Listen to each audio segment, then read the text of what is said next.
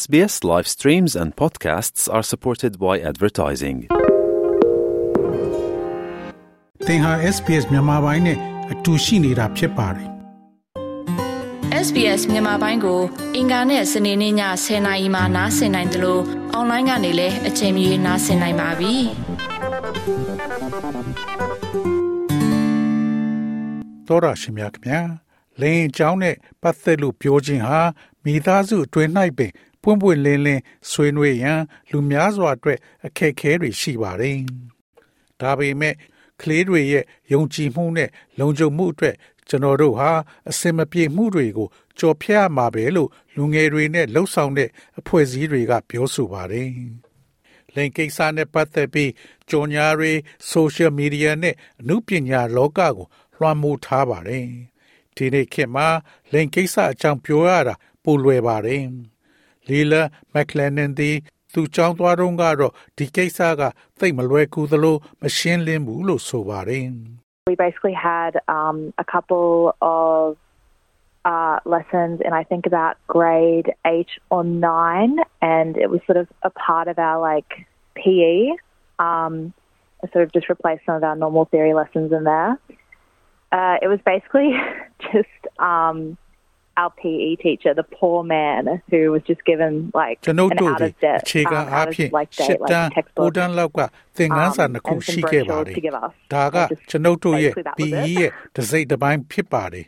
အဲ့ဒီနေရာမှာကျွန်ုပ်တို့ရဲ့ပုံမှန် theory သင်ခန်းစာတချို့ကိုအစားထိုးလိုက်ခြင်းမျိုးဖြစ်ပါတယ်အခြေခံအားဖြင့်ကျွန်ုပ်တို့ရဲ့သနာစရာကောင်းတာက PE ဆရာသာဖြစ်ပါတယ် သူကခင်မမီတော့တဲ့ចောင်းသုံးစာအုပ်နဲ့လက်ကမ်းစာဆောင်တချို့ကို သူ့အလောက်ကပေးရုံသာဖြစ်ပါတယ်အခြေခံအားဖြင့်တော့ဒါပါပဲလေလာမှုအသေးရလေလာရဲ့အတွေ့အကြုံသည်သေချာကိစ္စတစ်ခုမဟုတ်ကြောင်းသိရှိရပါတယ်မိသားစုထောက်ပံ့ရေးအဖွဲ့အစည်း Act for Kids မှစစ်တမ်းတစ်ခုအရ Australian အများစုသည်လိင်ကိစ္စနှင့်ပတ်သက်ပြီးကျောင်းတွင်ရရှိသောပညာရေးသည်ကျေနပ်စရာမဟုတ်ကြောင်းလို့ CEO Katrina Lines ကပြောဆိုပါတယ် The majority of Australians feel that the sex education they received at school didn't prepare them for real life sexual experiences. Only a fifth of adults who were part of our survey learnt about sex relationships and consent at school, despite two thirds of them telling us they Australia became နိုင်ငံသားအ sexually များစု active သည် before they ကျောင်း turned မှာ 18 years ရရှိ old. သောလိင်ပညာပေးခြင်းသည်လက်တွေ့ဘဝတွင် လိင်ပိုင်းဆိုင်ရာအတွေ့အကြုံများအတွက်၎င်းတို့အား မပြင်ဆင်ထားဘူးလို့ခန်းစားနေကြရပါတယ်။သူတို့ထဲကသုံးပုံနှစ်ပုံကအသက်16နှစ်မပြည့်ခင်မှာလိင်ပိုင်းဆိုင်ရာတက်ကြွလာတဲ့လို့ကျွန်ုပ်တို့ကိုပြောနေပေမဲ့စစ်တမ်းတွင် ပါဝင်ခဲ့တဲ့အရွယ်ရောက်ပြီးသူငါးဘုံတစ်ပုံမျှသာကျောင်းတွင် လိင်ပိုင်းဆိုင်ရာ ပေါင်းတင်ဆက်ဆံရေးနဲ့သဘောတူညီမှုပေးတဲ့အကြောင်းကို လေးလာသိရှိခဲ့ပါတယ်။ယမန်နှစ်ကအသနာခံစာတစ်ခုကိုပညာရေးဝန်ကြီး Grace Chan တို့ပို့ခဲ့ပါတယ်။ ကျောင်းများတွင်ပုံမကောင်းမွန်သောလိင်ကိစ္စသဘောတူညီချက်ပေးတဲ့ပညာရေးကို တောင်းဆိုခဲ့ပြီးအဲ့ဒီအချိန်ကစလို့ Queensland သည်ဤပြဿနာများကိုသင်ကြားတဲ့အခါတွင် ပြောင်းလဲရန်ကြိုးပမ်းခဲ့ပါတယ်။ပညာရေးဝန်ကြီး Grace က In particular, it's addressed in Year 11. Obviously, this is all part of saying, is that adequate? Do we need to သူသ start ဖြင့် early? ၎င်းကို Year 11တွင်ဖော်ပြခဲ့ပါတယ်။ဤအရာသည်လုံလောက်တယ်လို့ဆိုခြင်းရဲ့ တစ်စိတ်တစ်ပိုင်းသာဖြစ်သည်မှာသိသာထင်ရှားပါတယ်။ကျွန်ုပ်တို့သည်စောစောစတင်ရန်လိုအပ်ပါသလားကို ကြည့်ရမှာဖြစ်ပါတယ်။ New South Wales မိသားစုစီမံကိန်းမှ Cecilia Roth ကအမျိုးသားသင်ရိုးညွှန်းတမ်းတွင်လိင်ပိုင်းဆိုင်ရာပညာပေးခြင်းသည်စံနှုန်းများမညီမညာဖြစ်နေကြောင်းပြောဆိုပါတယ်။ some of the things in that curriculum need to be made a lot more specific so that we will get m- more consistent and, and more effective education coming through because the quality does vary. There are some schools doing a fantastic job and there are other schools where it's, သင်ရိုး it's ညွှန် just တမ်း not ပါ getting တချို့အရာ enough များကို time ပုံ and မ enough တိကျ depth စွာ in, ရေးဆွဲရ in the လိုအပ်သော content ကြောင့် that's ကျွန် taught. ုပ်တို့သည်ပုံမကိုက်ညီပြီးပုံမထိရောက်သောပညာရေးကိုပေးရမှာဖြစ်ပါတယ်အပေကြောင့်ဆိုသောအရေးသွေးတွေကကွဲပြားပါတယ် ကောင်းမွန်တဲ့အလုပ်ကိုလုပ်နေတဲ့ကြောင်းတချို့ရှိပြီးသင်ကြားတဲ့အခါမှာအချိန်မလုံလောက်တာနဲ့လုံလောက်တဲ့နှဆိုင်မှုမရှိတဲ့တခြားကြောင်းတွေလည်းရှိပါတယ်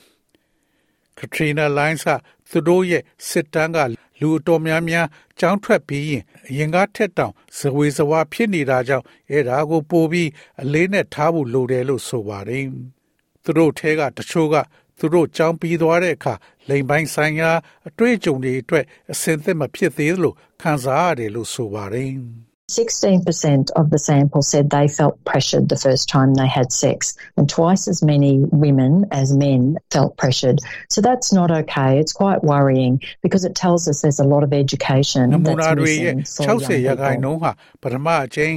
လိန်ဆက်ဆန်စဉ်တွင်ဖိအားများပေးတယ်လို့ခံစားရတယ်လို့ဆိုပါတယ် ဖိအားတွေကို အမျိုးသားတွေထက် အမျိုးသမီးတွေကနှစ်ဆပိုခံစားရပါတယ်အဲ့ဒါကအဆင်မပြေပါဘူးအဲ့ဒါကတော်တော်ဆိုးရင်စရာကောင်းပါတယ်ဘာဖြစ်လို့လဲဆိုတော့လူငယ်တွေအတွက်ပညာပေးတာပျောက်နေတာတော်တော်များနေပြီလို့ပြောဆိုနေတာဖြစ်ပါတယ်လီလာရဲ့အတွေ့အကြုံကဒါကိုခံနိုင်ရရှိအောင်လှုပ်ဆောင်ခြင်းပင်ဖြစ်ပါတယ် The school that I went to was um, a private Presbyterian education, uh, so that also definitely played into, I guess, their view of sex as a whole. Um, there was a really big emphasis on just abstinence, like just not having any sort of sexual contact at all, which I'm sure you would also know is just impossible to tell to a bunch of teenagers. Um, and there was also just no, not even like a mention of just anything. ကျွန်မ other than, သွားခဲ့ like, တဲ့အကြောင်းက the straight Presbyterian heterosexual ပညာရေးသီးသန့်ဖြစ်ပြီး gender-conforming, သူတို့ရဲ့ um, လိမ်ပိုင်းဆိုင်ရာ I guess, like, ပညာရေး sexual တစ်ခုလုံးအ landscape. ပေါ်သူတို့ရဲ့အမြင်တွေကိုတစ်ဆက်ပေးတာသေချာပေါက်ပါဝင်လာခဲ့ပါတယ်။လိမ်ဆက်ဆံမှု လုံးဝမရှိသလိုမျိုးပါ။ရှောင်ကျဉ်ဖို့အတွက်အမှန်တကယ်အလေးထားမှုကြီးကြီးမားမားရှိခဲ့ပါတယ်။ဒါပေမဲ့စေကျော်သက်တွေကို ပြောပြဖို့ဆိုတာမဖြစ်နိုင်ဘူးဆိုတာကသေချာပါတယ်။ထို့သူအဲ့ဒီမှာ no လို့ထုတ်ဖော်ပြောဖို့ဆိုတာကတမသမတ်မရှိပါဘူး straight လိန်ခွဲကြားမကြားမလိုက်ဖက်သောလိန်ခင်းခြင်းများအတွက်ပညာပေးတာမျိုးမရှိပါဘူး Act for Kids သည် Australia နိုင်ငံတဝန်းရှိကျောင်းများတွင် အထောက်အထားအခြေပြု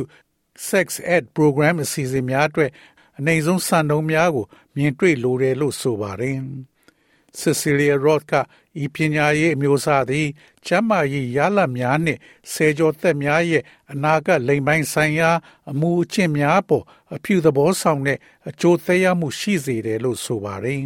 ။ကလေးသူငယ်များအကာအကွယ်ပေးရန်ဝန်ထမ်းဟောင်း Thomas McIntyre က၎င်းသည် မတော်မတရားပြုလုပ်ခြင်းကို တားဆီးရန်တွင်ကူညီပေးနိုင်တယ်လို့ဆိုပါတယ်။ that starts from when kids are, are tiny, you know, when to say no and what's appropriate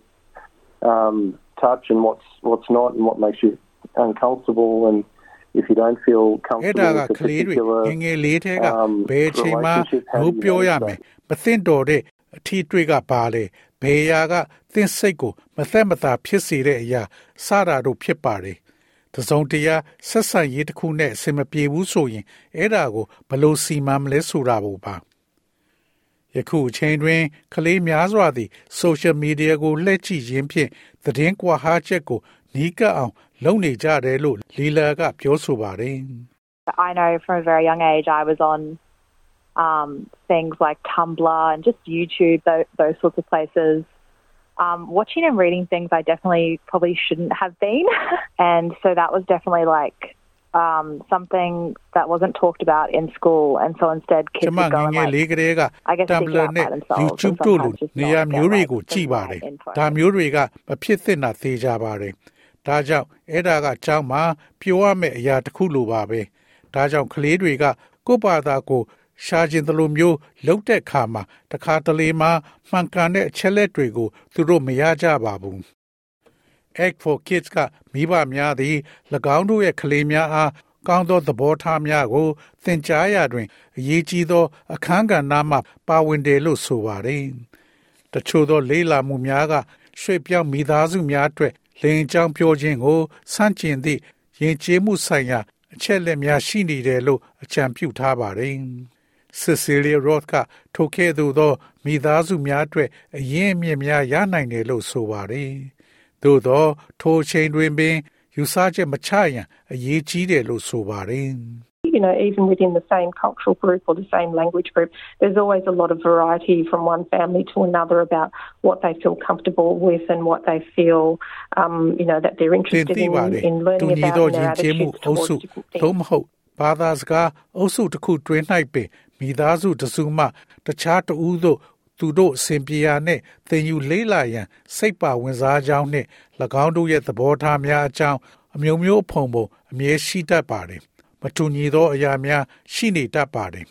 ကထရီနာလိုင်းစီလိမ်ပိုင်းဆိုင်ရာအဖြစ်မှန်များနှင့်ကျမ်းမာသောဆက်ဆံရေးများအကြောင်းစကားပြောဆိုမှုများကိုပုံမှန်ဖြစ်စေရန်လိုလားပါတယ်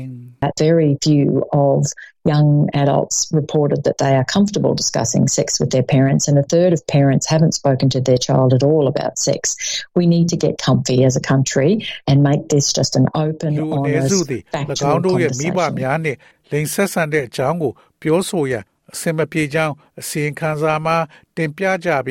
သုံးပုံတပုံသည်မိဘများက၎င်းတို့ရဲ့ကလေးအားလင်ကိစ္စနဲ့ပတ်သက်လို့လုံးဝမပြောကြပါဘူးသောတာရှင်များခင်ဗျာ SPS သတင်းဌာနက Deborah Groki ရဲ့ဆောင်းပါးကိုဘာသာပြန်တင်ဆက်ပေးထားတာဖြစ်ပါတယ်ခင်ဗျာ sbs.com.au/bemis ကို home နေရာမှာထားပြီးတော့အမြဲတမ်းနှာစင်နိုင်ပါတယ်။နောက်ဆုံးရသတင်းတွေ၊စောင်းမားတွေနဲ့စစ်တမ်းတွေမှာပါဝင်ပြီးတော့ဆက်သွယ်မှုလုပ်နိုင်ပါတယ်။ sbs.com.au/bemis ဖြစ်ပါတယ်ရှင်။